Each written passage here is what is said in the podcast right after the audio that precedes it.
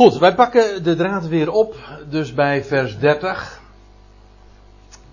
Daar lees je dan, God dan.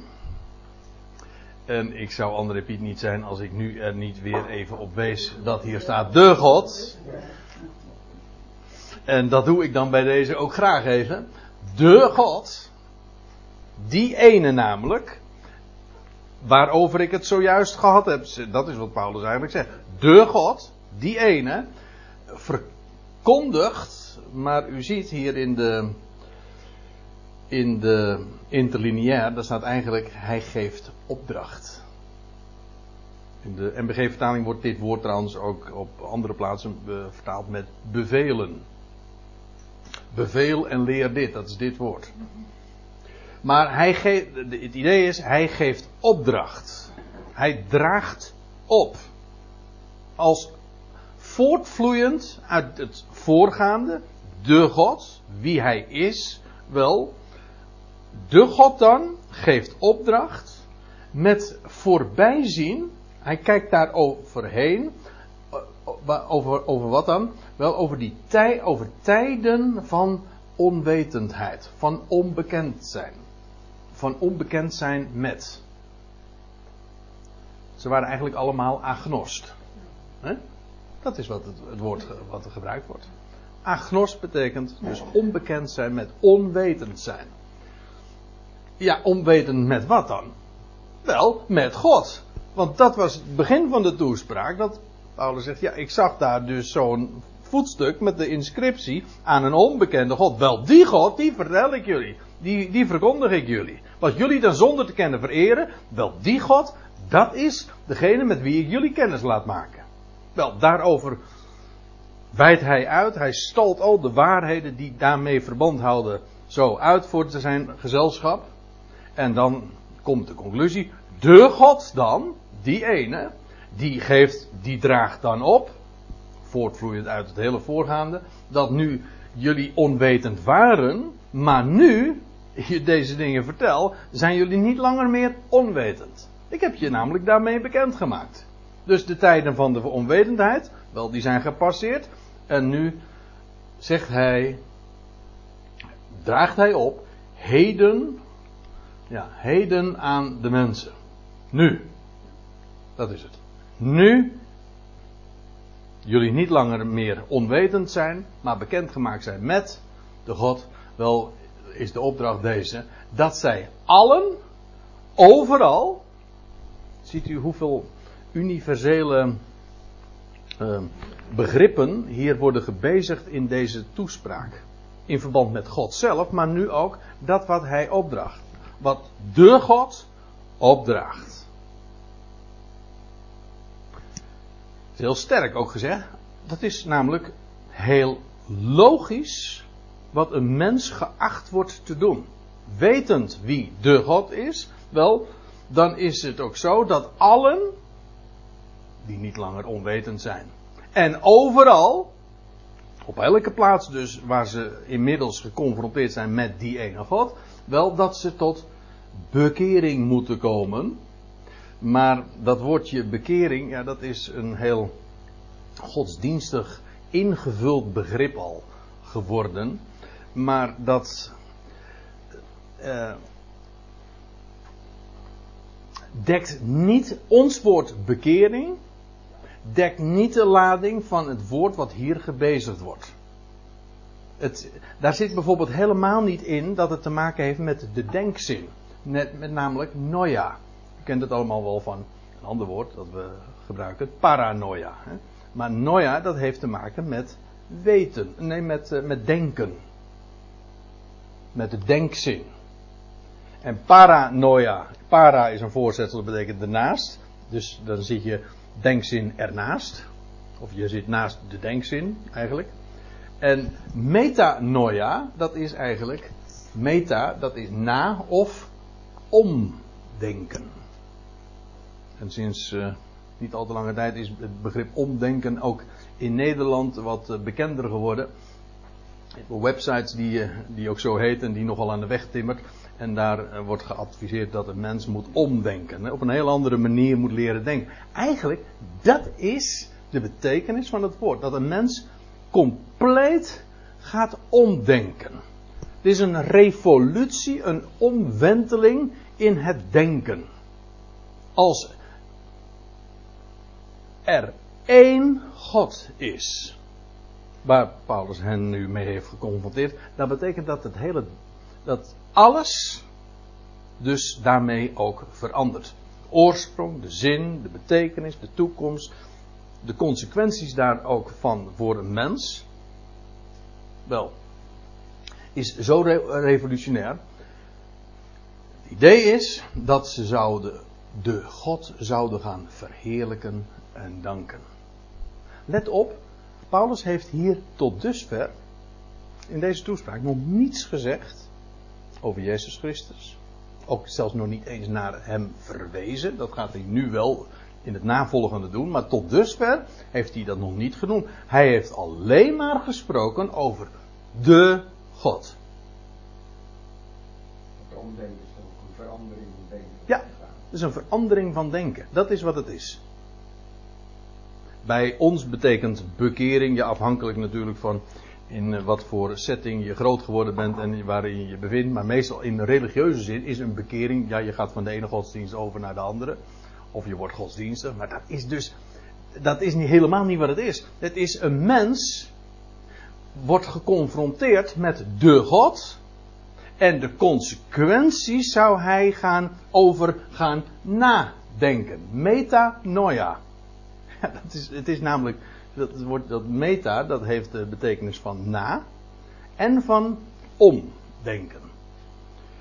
En in beide gevallen, uh, in verband met dat noia, klopt dat ook. Het is inderdaad, een mens zou gaan nadenken. Tot, uh, het wordt elders, in de MBG-vertaling ook, vertaald met bezinnen.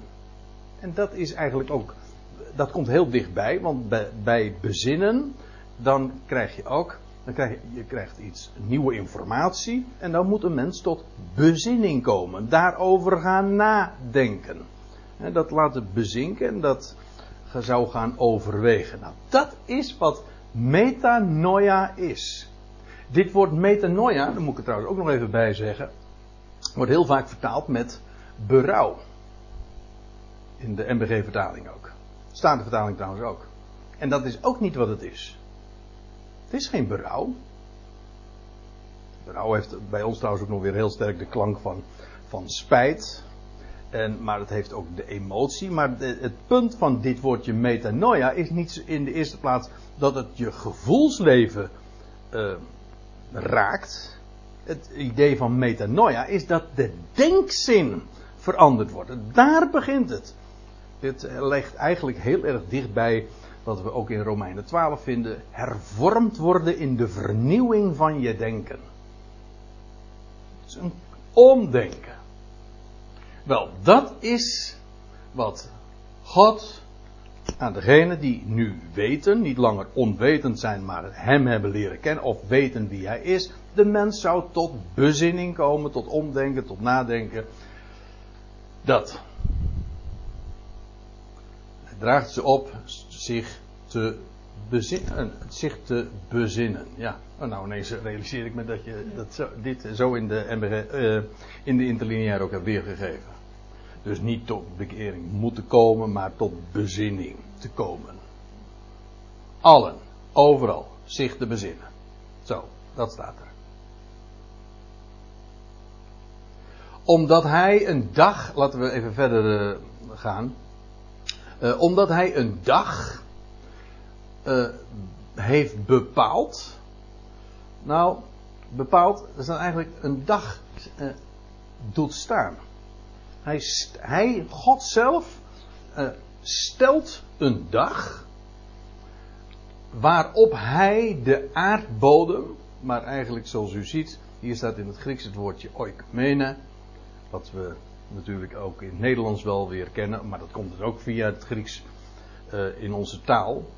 Alleen bij ons heeft het dan weer de gedachte, dat heeft er niets mee te maken met een, een vereniging van kerken, hè, de ecumenische beweging. Maar oikumene betekent de bewoonde wereld. Omdat God een dag stelt waarop Hij, God dus, de God, de bewoonde wereld rechtvaardig zal oordelen. Oordelen in rechtvaardigheid. Waarbij de gedachte is, oordelen in rechtvaardigheid, dat is de dingen recht zetten. En terecht brengen. En weet u trouwens dat dat een hele blijde tijding is? Alles wat Paulus tot dusver gezegd heeft, dat is echt een goed bericht. De God kent. Maar ook dit, ik weet, zo eh, wordt het uh, ook doorgaans absoluut niet gezien. Dit wordt als een, uh, een woord gezien van een dreiging. En een mens wordt inderdaad geconfronteerd met de waarheid. En daar kan een dreigen. Een dreigement. Uh, die gedachte kan erin zitten. Dat ontken ik niet. Maar de waarheid aan zich. Dat God de wereld, de bewoonde wereld, zal oordelen in rechtvaardigheid. Dat is een blijde tijding. Ik, ik kan het nog aantonen ook. Want uh, we gaan naar Psalm 90. Dan lees je. Psalm 98, sorry. Er staat, juich de Heere, gij ganse aarde, breek uit in gejubel. En psalm zingt. En dan sla ik een paar versen over en dan staat, hij komt. Ik, zal het u besparen, maar ik weet dat er sommigen mee zouden kunnen zingen. Ik zou het in de berijmde vorm zo kunnen meezingen. Hij komt, hij komt om daar te richten de wereld in gerechtigheid. Hij komt om de aarde te richten. Hij, God, de Heere, zal de wereld richten in gerechtigheid. En ik verdenk Paulus ervan dat toen hij dat zei op de Areopagus, dat hij gedacht heeft aan Psalm 98, vers 9. De volkeren in rechtmatigheid. Kijk, en ik zei, ik kan gewoon bewijzen dat dit een blijde tijding is. Want het staat er, er staat juicht. Een gejubel. En psalm zingt. Dat is, dat is een reden om hem te eren en te verheerlijken en om blij te zijn en om te juichen. Want aan alle onrecht, dat is het idee, aan alles wat krom is en wat uh, verloren gegaan is, dat zal weer rechtgezet worden en ook terecht gebracht worden. Over levende en doden. Want God heeft hem, maar dat is het vervolg dan, zijn zoon gesteld tot, tot heer en tot rechter, rechtzetter van allen levenden en doden. En hoe dat allemaal zal, uh, zal, gaan en wanneer dat zijn beslag zal krijgen, doet er even niet om. Het gaat erom, hier in Paulus' uh, toespraak, God gaat de wereld richten, oordelen in rechtvaardigheid. Juicht. En breek uit in gejubel. Dus dat betekent, alles gaat rechtgezet worden. En dan kan die rechtzetting een pijnlijk proces zijn. En dat is natuurlijk de dreigende gedachte. God laat niet met zich spotten. En daarmee, daarmee worden alle mensen die geacht worden aan God voorbij te gaan. Wel, uh, hen wordt aangezegd. Je komt in aanraking met de God. Want God laat niet met zich spotten. Maar wees blij. Wees blij dat God dat gaat doen. En ik ben verschrikkelijk blij dat al, alles wat krom is en alles wat krom gemaakt is, en de mens doet niet anders, dat God dat allemaal gaat rechtzetten. Ja, en hij gaat dat doen, dat, en nou komt, komen we in vers 31, door een man, zo staat het, door een man. Die hij aangewezen heeft, staat hier in Auris, die hij bepaalt. Ja. Hij is het. God bepaalt deze man dus. Hij doet dat in een man. En dan staat er, en dan staat er ja, in onze vertaling waarvan hij voor allen het bewijs geleverd heeft. Maar nou moet eens kijken hoe het er in interlineair staat. Geloof verschaffende, tegenwoordige tijd, aan allen. Ik vind het veel mooier. God verschaft geloof aan allen. Ja, natuurlijk. Hij levert overtuigend bewijs. Maar dat is eigenlijk ook geloof verschaffen. Hoe, hoe wordt een mens gelovig? Gewoon doordat hem overtuigend het bewijs geleverd wordt, toch? Dat is wat God doet. En aan wie doet God dat? Aan allen. Geloof verschaffend aan allen. Wij mogen het nu al weten. Dus hij heeft ons nu al overtuigd. En dat betekent dat je nu dus gelooft. Dat is ook zijn werk. God overtuigt een mens. En dan zeggen we ook: Ik ben overtuigd. Dat, is, dat overkomt je dus. Ik ben overtuigd. God heeft mij geloof verschaft. Ik weet dat God zijn zoon uit de doden heeft opgewekt. En daarom, ik noem hem ook de, ik geef hem ook de bijpassende titel, namelijk Heer. Ik geloof in mijn hart dat God hem uit de doden heeft opgewekt. En, en dus is hij tot Heer gemaakt. Nou, dat is wat een gelovige is. Maar dat betekent, jou is geloof verschaft. Dat is zijn werk. En hij doet dat aan allen.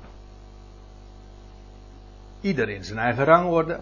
Niet allemaal tegelijk, maar dat, ziet u, ook hier gaat het niet om de punt van wanneer dat zal zijn, maar dat dit zo gaat.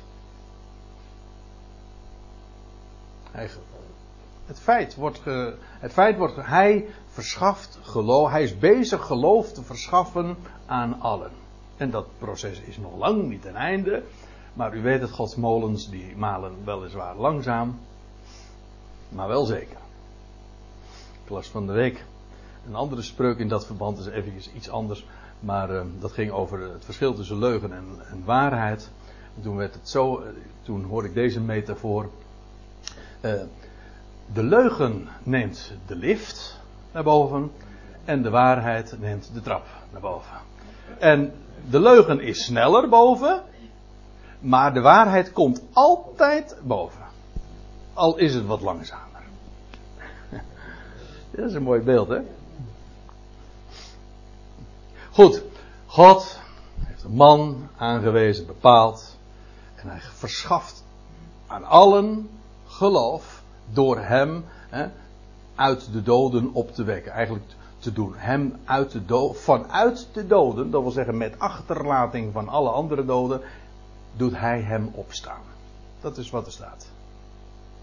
En het geloof daarin, wel, dat verschaft hij op zijn tijd aan allen. En als u nu zich de vraag stelt van hoe loopt het nou verder af met Paulus' toespraak. Nou, hier dus. Het is het einde. Waar had Paulus niks meer te vertellen? Jawel. Ik ben ervan overtuigd. Paulus, uh, uh, die was nou net warm gedraaid, zeg maar. Hè? Hij, hij, wil, hij wilde juist. Kijk, hij was namelijk, we hebben dat gezien, hè? Ze hadden hem horen spreken over, ze, over Jezus en Anastasis. Ze, wat voor, ze, hij, hij, bracht vreemde demonen. Dat wil zeggen, ze dachten van hij brengt goden die wij niet kennen. En ze hadden hem horen spreken over, over Jezus en Anastasis. Ze dachten aan vreemde demonen. Nou, uh, nou, gaat, nou heeft Paulus nog niet eens de naam genoemd, maar wel aan hem gerefereerd. Die man. En, maar hij heeft al wel inmiddels gesproken over opstanding, over Anastasis. God die hem, die een man, deed opstaan vanuit de doden. En dan komt hij bij de clue van het evangelie. Maar op het moment dat hij gaat beginnen over de opstanding, over. Lees maar. Hier houdt het echt op. In 1 Korinthe 1, kijk, we zullen de volgende keer zien uh, dat Paulus vanuit Athene naar Korinthe gaat. Dus als hij daar in Korinthe is, dan heeft hij die, die Areopagus ervaring inmiddels gehad. Later schrijft Paulus dan een brief aan de Corinthiërs. En dan zegt hij, het is midden in, in, de zin, maar in 1 Korinthe 1 zegt hij, doch wij prediken, wij herauten een gekruisigde Christus. Dat wil zeggen, het laatste wat de wereld van hem gezien heeft, is het kruis, maar hij is de Christus. Dat wil zeggen, de opgestane Voor Joden een aanstoot, voor natieën een dwaasheid. Maar voor hen die geroepenen zijn, Joden zowel als Grieken, groten wij Christus. De kracht Gods en de wijsheid Gods. De kracht Gods. Dat is een mooie, want Paulus eh, verklaart die term later in, aan het einde van de tweede brief. Dit is het begin van de eerste brief. En aan het eind verklaart die term de kracht Gods aan het einde van de tweede brief. En dan zegt hij: Hij is gekruisigd uit zwakheid, maar hij leeft uit de kracht Gods. Sindsdien. Wat is die kracht Gods? Wel, dat is de Christus die, opge, die God deed opstaan vanuit de doden. Dat is trouwens ook meteen de wijsheid Gods. Dus de wereld kent hem slechts als de gekruisigde, maar wij weten hij is de Christus. En dat is voor Joden een struikelblok, een volstrik, maar voor de natie is het gewoon dwaasheid, stupide. Het is gewoon dom, stom en ja, stupide. Daar kunnen ze niet bij. Zullen we, dat, dat zien we ook in Handelingen 17, want wat staat er dan? Toen zij nu van een opstanding van doden hoorden, spotten sommigen. Ja, want dit is die hele opstanding, dat is zo verschrikkelijk on-Grieks. In de hele de wereld van de wijsheid kende men dat niet. Het is de basis eigenlijk van de Tenach en van de waarheid dat God God is. En, maar ja, het heeft ook te maken met wat de Bijbel verstaat onder dood. En wat de hoop is voor doden. Wel, de Grieken dachten in totaal andere termen. Die, het is een typisch uh, Grieks concept, is de onsterfelijke ziel. Plato uh, is de, de, degene die dat allemaal zo uiteengezet heeft. Ook een Griekse naam, dus de filosoof bij uitstek misschien wel. De onsterfelijke ziel. Maar u begrijpt dat als de. Kijk, als zij zeiden, een, de, de lichaam, het lichaam is eigenlijk een kerker. Daar zit de ziel in gevangen. En op het moment dat de mens sterft, dan, dan verlaat de ziel de kerker. En dan is de ziel dus bevrijd. Die ziel gaat niet dood, alleen het lichaam gaat dood. Dus u begrijpt wel, als dat het idee is, ja, dan, dan heeft opstanding helemaal geen enkele zin. Dat staat er haaks op. Dan is het alleen maar een ziel en, en dat lichaam heeft helemaal geen betekenis. De Bijbel is, het, is heel anders. De, in, in de, Bijbel, de Bijbelse gedachte is, een mens gaat dood. En de vraag is niet van, uh, hoe leven de doden voor? Nee, de doden zijn dood.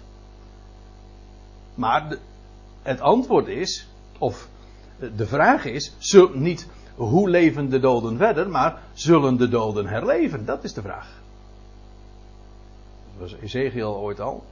Zullen die doden herleven? Gij weet het, oh God. God doet de doden herleven. Hij doet ze opstaan. Hij is de God van de opstanding en van de levendmaking. Ja, dat is spot. Dat is stupide, dat is dwaasheid. Voor de natie in het algemeen en voor de Grieken in het bijzonder. En het wordt nog steeds geleerd. Ja. Dit leer, ja. En dat betekent dus eigenlijk ook dat het hele idee van een onsterfelijke ziel staat haaks op de opstanding. Feitelijk, als, als, als namelijk een mens gewoon verder leeft als ziel, hij gaat dood, maar hij gaat niet echt dood, ja, hoezo dan opstanding? Dat wordt dan echt dat is dan dat suiker op de honing, weet je wel. Dan, ja, mensen is toch al, uh, hè, dan is het, uh, je bent overleden en dan, is, dan zeggen ze, ja, hij juicht voor Gods troon en hij leeft. En hoezo? Maar is er dan geen opstanding?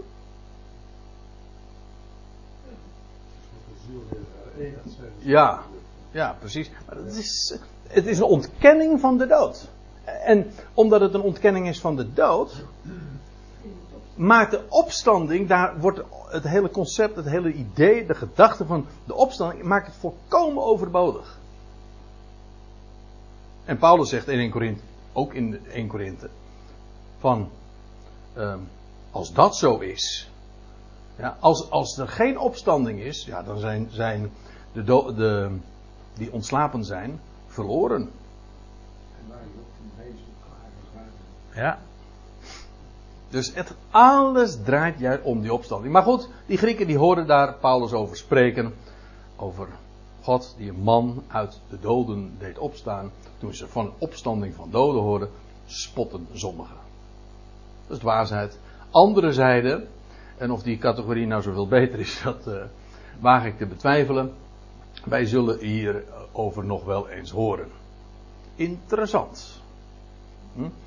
Het is gewoon een hele beleefde manier om te zeggen van. Bekijk het maar. Ja. Hoe zeggen ze dat? Don't call us, we call you. Hm?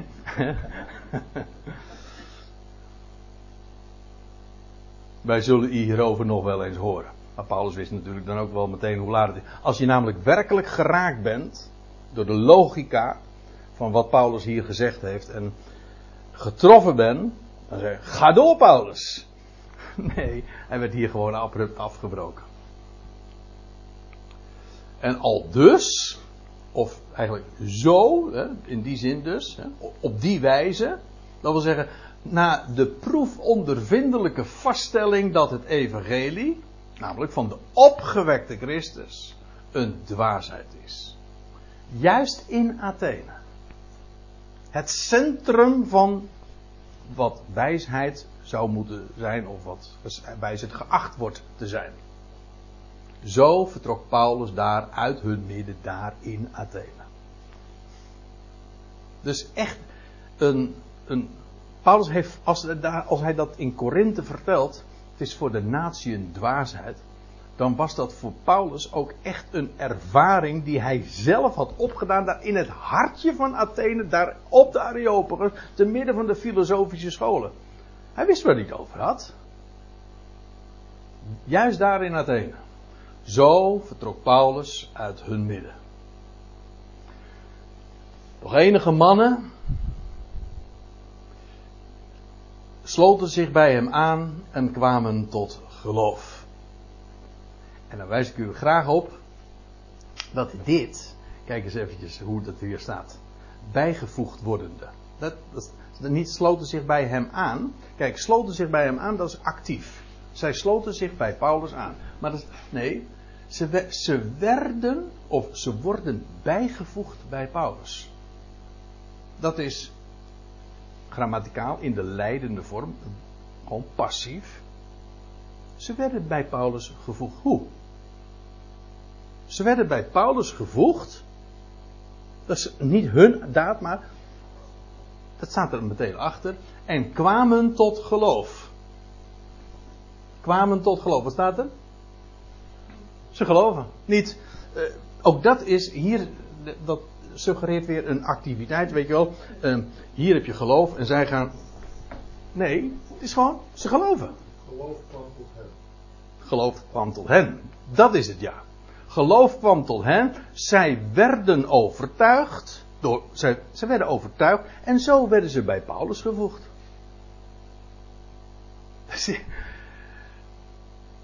Dit geeft een heel andere klank als zoals, er, zoals Lucas dit ooit optekende.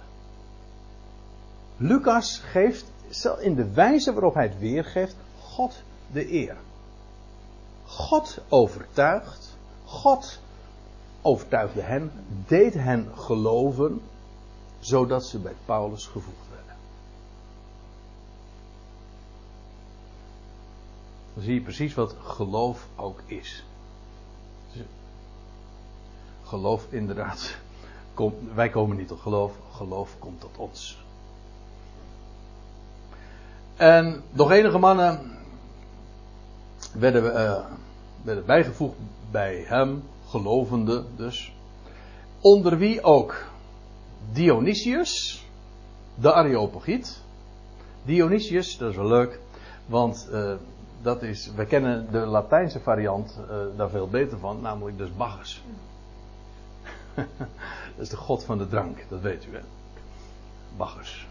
En dat is, uh, de, de Latijnse vorm is Dionysius, de, nee pardon, de Griekse vorm is Dionysius, de Latijnse is Bacchus. Maar het is gewoon dezelfde, namelijk de god van de drank. En dat vind ik nou zo mooi. Want deze man, deze Dionysius, was juist tot bezinning gekomen. Hij was juist nuchter geworden. Dionysius werd nuchter. Uh, hij was trouwens de Areopagiet. En de, de Areopagus, ik heb u dat al eerder verteld. Uh, dat was dus het gerechtshof. En dat was dus niet de eerste de beste. Hij was een man van, van, staat, van statuur, daar. En ik vind het een mooie illustratie ook. In het algemeen is het zo. Het is voor de natie een dwaasheid. Voor de Grieken is het een, een dwaasheid, zegt, uh, schrijft Paulus in de Korinthebrief. Jawel. Maar voor hen die geroepen zijn. Dat is een, een, het is een uitroepsel. De meerderheid gewoon masse moet men er niks van hebben, spot ermee of zo. Nou, hoor je er nog wel een keer over. Trouwens, het is hier in Athene geen vijandige reactie. Paulus stuit hier niet op vijandschap, maar op onverschilligheid. We horen je er nog wel over. Is dwaas. Een soort van. Een, een, nou ja, ze zullen wel gemerkt hebben dat Paulus zeer onderlegd was. Maar toch, dat wat hij vertelde, dat, dat is te gek. Een dorpsgek. Dat is absurd. Nee, ze zullen Paulus niet als een dorpsgek hebben gezien, absoluut niet. Maar dat wat hij bracht, was voor hen echt absurd. Dat was gewoon vele bruggen te ver. Maar, dat mag dan in het algemeen zijn. Degene die geroepen zijn, geroepenen, degene die aangesproken zijn door deze boodschap. Ja, voor hen is het de wijsheid Gods en de kracht Gods. Dat is een uitroepsel. Ik, heb, ik zit met die gedachte nog erg in mijn hoofd, omdat ik afgelopen zondag in Urk gesproken heb over het begrip roeping en over God die roept. En ja, nou, Dionysius wist er alles van. Hij was een Areopagiet, niet de eerste de beste dus. En er was nog een andere vrouw, en een vrouw genaamd Damaris. En ik vind het mooi om het zo. Je kunt zeggen van, nou, die vrouw die heette Damaris. Ja, maar je kunt ook zo gewoon lezen: een vrouw met naam. Zij was een vrouw met naam, namelijk Damaris. Wat trouwens een gazelle of een hinde betekent. Weet, eh, ik weet niet zo gauw wat de gedachte daarachter dan nog zou kunnen zijn. Maar het punt is vooral, zij, het is een vrouw met naam. Ik uh, versta het zo dat er, er waren namelijk enige mannen, Dionysius. Er was ook een vrouw met naam. En staat er nog bij, en anderen. Maar hier staat een Grieks een woord, niet zomaar voor anderen. Er staat andersoortigen. Heteros. Dus dit waren Dionysius en Damaris, dat waren mensen met naam en statuur. En ook nog andersoortigen, dus het, van het gewone volk zal ik maar zeggen. Die niet met name ook dan uh, vermeld worden. En ook uh, die werden bij Paulus gevoegd. En die geloofden. Maar al te indrukwekkend aantal is het niet geweest. Hè? Het waren enigen. Zodat Paulus weliswaar daar een geweldige toespraak heeft gehouden in Athene. Maar het effect was daar toch niet al te groot. Hoewel, ik moet erbij zeggen, het is toch geweldig dat zo'n woord wat hij gesproken heeft, dat dan toch weer een aantal daardoor zijn uitgeroepen. Doet zijn werk. Het woord keert nooit ledig weer. We weten trouwens niet uh, van een ecclesia die daar ook gevormd is. In die zin dat daar Paulus ook uh, heeft, dat heeft aangeschreven. Voor de rest lezen we nooit meer zelfs in het hele Nieuwe Testament over de stad Athene. En ja, dat was hem trouwens. Want uh, Handelingen 17 gaat niet uh, verder.